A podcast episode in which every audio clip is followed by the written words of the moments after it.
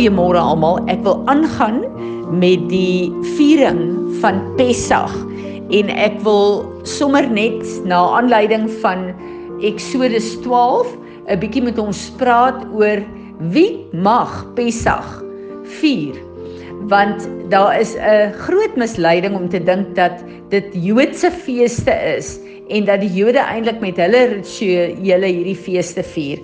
Nou wil ek vir julle sê dat wanneer ons kyk na die manier wat die Jode dit vier, het hulle baie simboliek ehm uh, uh, oor hulle moeilike tyd in Egipte en hulle swaar kry en uh, die plekke waar hulle so abuse is en onderdruk is deur die Egiptenare daarom het hulle bitter kruie in hulle rituele wanneer hulle dit vier. Maar ons as wedergebore kinders van God vier die kruisiging met Jesus in die middelpunt en die verbondsmaal. Dit wil sê die wyn en die brood is vir ons verskriklik belangrik en wanneer ons dit vier maak ons 'n verklaring vir principalities and powers dat Jesus se kruisdood is afgehandel en dit is deel van my lewe. Nou as ons kyk na uh die tyd wat uh, gebeur het voor Eksodus 12, dan weet ons dit was die 10 plaae waar God gekom het en elke god van hierdie Egiptenare letterlik kom konfronteer het met sy almag. En in die proses wat al hierdie plaae Egipte getref het. Weet ons die Israeliete in Goshen het geen van hierdie plaae gekry nie. Nou die Egiptenare het hierdie goed gesien en daar's baie van die Egiptenare wat uh die God van Israel aangeneem het en wat saam met die Israeliete uitgetrek het en ons sien dit ook in hierdie gedeelte wat uh wat baie belangrik is. Maar nou kyk ons na uh hierdie uh uh ongeredde mense wat Jesus nou aangeneem het en wat nou saam met hulle getrek het. Daarom staan daar in Eksodus 12 dat ehm um, uh, uh, en ek wil dit graag vir ons lees. Um an alien living amongst you uh, who want to celebrate the Lord's Passover must have all the males in his household circumcised that they may take part like one born in the land. No uncircumcised male may eat of it. En dan gaan hy in in uh, uh, hy sê my covenant with you and your descendants after you the covenant you are to keep every male among you shall be circumcised um you are to undergo circumcision and it will be a sign of the covenant between you and uh, me and in your flesh as a everlasting covenant. Hier kom die Here en hy sê dat elke persoon wat uh, God aanneem. In die Ou Testament moes die mans besny word. Dit wil sê daar's 'n besnydenis in hulle geslagsorgaan gemaak om te sê ek behoort aan God en al die saad van my geslagte wat uit hierdie orgaan uitkom, wy ek reeds voor dit gebeur aan God toe. So die mans het hierdie verbond gesluit met die verbondsteken en die man was die hoof van die gesin, dan sy vrou en kinders deel van hierdie verbond met God. Nou kom God en sê, uh dit is reg hierdie Egiptenare uh kan saamtrek. Hulle het hom nou aangeneem, maar voordat hulle uh uh hierdie paas lam eet en trek, moet hulle eers die besnydenis deurgaan. Dit wil sê hulle moet God se verbond teken op hulle liggame hê. Dit kwalifiseer hulle uh om uh hierdie lam te eet en om dan saam uit te trek en een te word met die volk van God. Wat beteken dit vir ons in die Nuwe Testament? Dis vir ons baie baie belangrik om te weet dat God is gister, vandag tot in alle ewigheid dieselfde.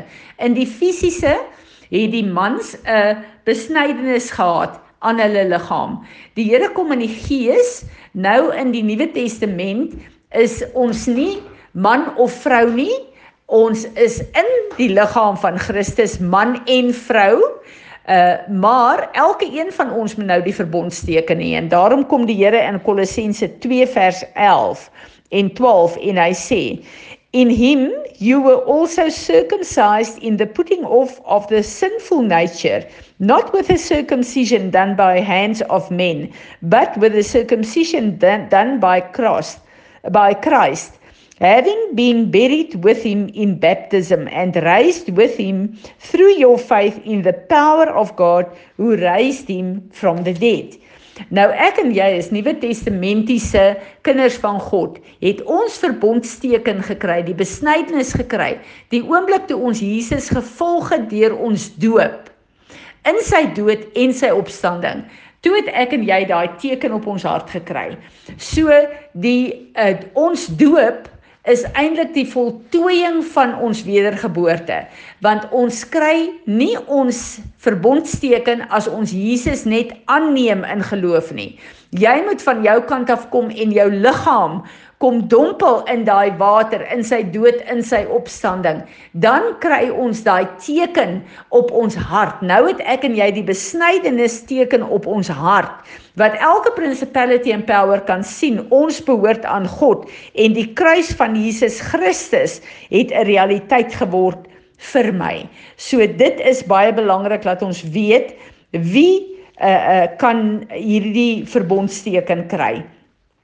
Ek wil uh, regtig gaan na uh, die plek toe waar waar uh, ons uh, weet wat is die die die uh, uh, skade weer. Wat is die simboliek van hierdie uh, Pessach vir ons en ek gaan vinnig vir ons skrifte lees. Julle moet maar gaan en hierdie skrifte uh self opsteek. Ek wil uh oplees. Ek wil kyk na die die tipe en die skaduwee en dan hoe is dit vervul deur Jesus Christus.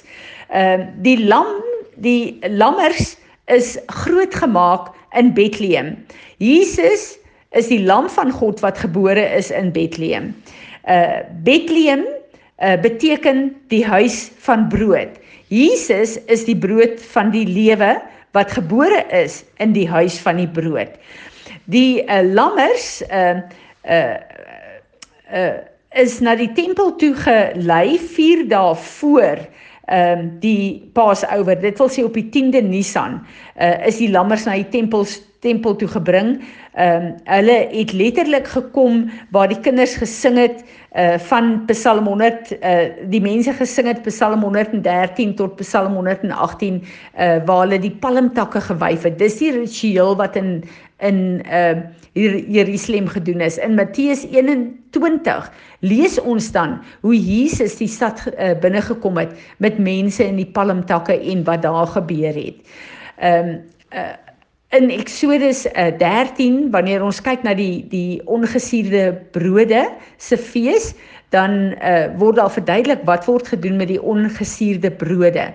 In Matteus 21 vers 12 staan daar my huis sal wees 'n huis van gebed wat dan nou ook 'n uh, uh, kom en letterlik 'n uh, heenwysing is van 'n skoon huis uh, wat nie deur suurdeeg uh, besmet mag wees nie. Uh baie interessant ook is dat die lammers is ondersoek vir geen uh, vlek of rimpel nie. Ons sien die hele uh ding van van Jesus se kruisiging, hoe moes hy uh ondersoek word uh deur uh Pontius Pilatus deur die Sanhedrin uh om te kyk waar is daar 'n uh, 'n uh, sonde in hom tot Pontius Pilatus sy hande gewas het en gesê het maar ek vind geen uh smet aan hom nie, geen skuld aan hom nie. Dit is 'n heenwysing na die die lammers. En dan kyk ons na die uh vier bekers wat gedrink word, uh waarvan die derde beker the cup of redemption is, waar uh God vir ons sê I will redeem you with an outstretched hand. En ons weet dat Jesus het met uitgestrekte arms op die kruis gehang.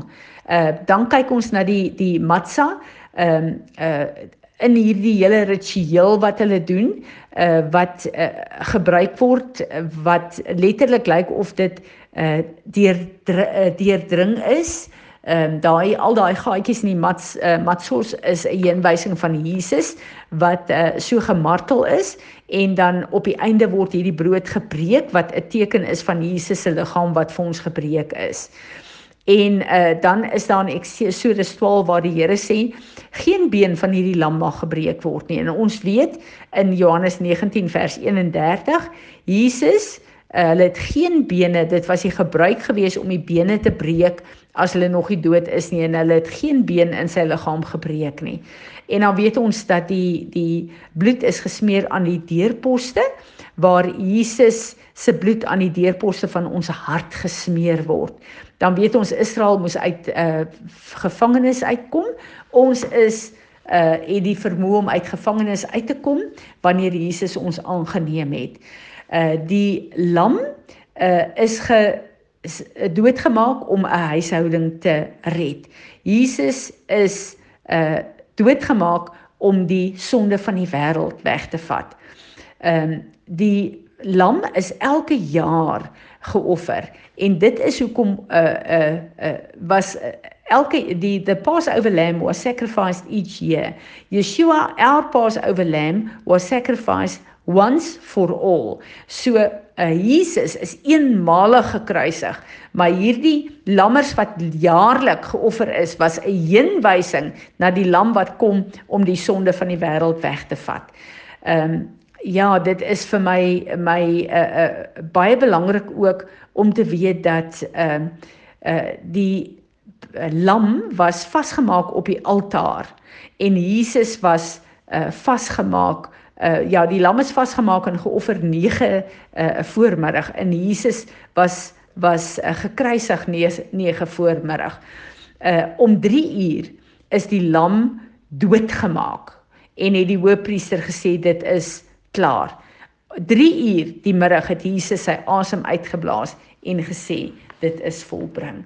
So as ons kyk na die heenwysing en die vervulling van hierdie woord in Eksodus 12, dan besef ons net hoe Jesus, die lam van God, die perfekte lam was wat vir my en jou gesterf het om ons sonde op Golgotha op die kruis vas te naal en omdat hy gesterf het en sy bloed daar is vir ons elke dag en ons die gawe het van repentance kan ek en jy in hierdie tyd staan en met uh, alles in ons hom eer en hierdie fees vier met danksegging en dankbare harte. Uh, ons sal in die volgende klip praat van die fees van uh, ongesuurde brode. Dankie Piet, sal jy vir ons weer bid asseblief? Ja, Jesus, baie dankie vir die tyd waar ons 'n diepe verstaan kry. Jy weet waar ons 'n diepe vlak van verhouding kan ingaan saam met U. Jy weet waar U ons invat in 'n diepe plek van van intimiteit saam met U. Weet dankie dat dat U die wêreld oorwin het sodat ons met sonde kan deel. Jy weet sodat ons met 'n plek van gevangenskap kan deel Jy weet dat U ons uit hierdie gevangenskap kan lei. Jy weet dat U ons uit sonde uit kan lei. Jy weet dat ons kan vergifnis vra vir alles wat in ons lewens gebeur en, en alles wat om ons gebeur, Here. Weet maar ten spyte van dit, wil ons met 'n dankbare hart net kom in hierdie tyd en net vir U sê dankie. Dankie, Here. Dankie dat dat U ons nie gelos het nie. Dankie dat dat U altyd 'n plan met ons het en dankie dat U alles ten goeie laat meewerk vir die wat U liefhet. Dankie dat U aanhou En dankie dat U ons nie los nie. Dankie vir U genade.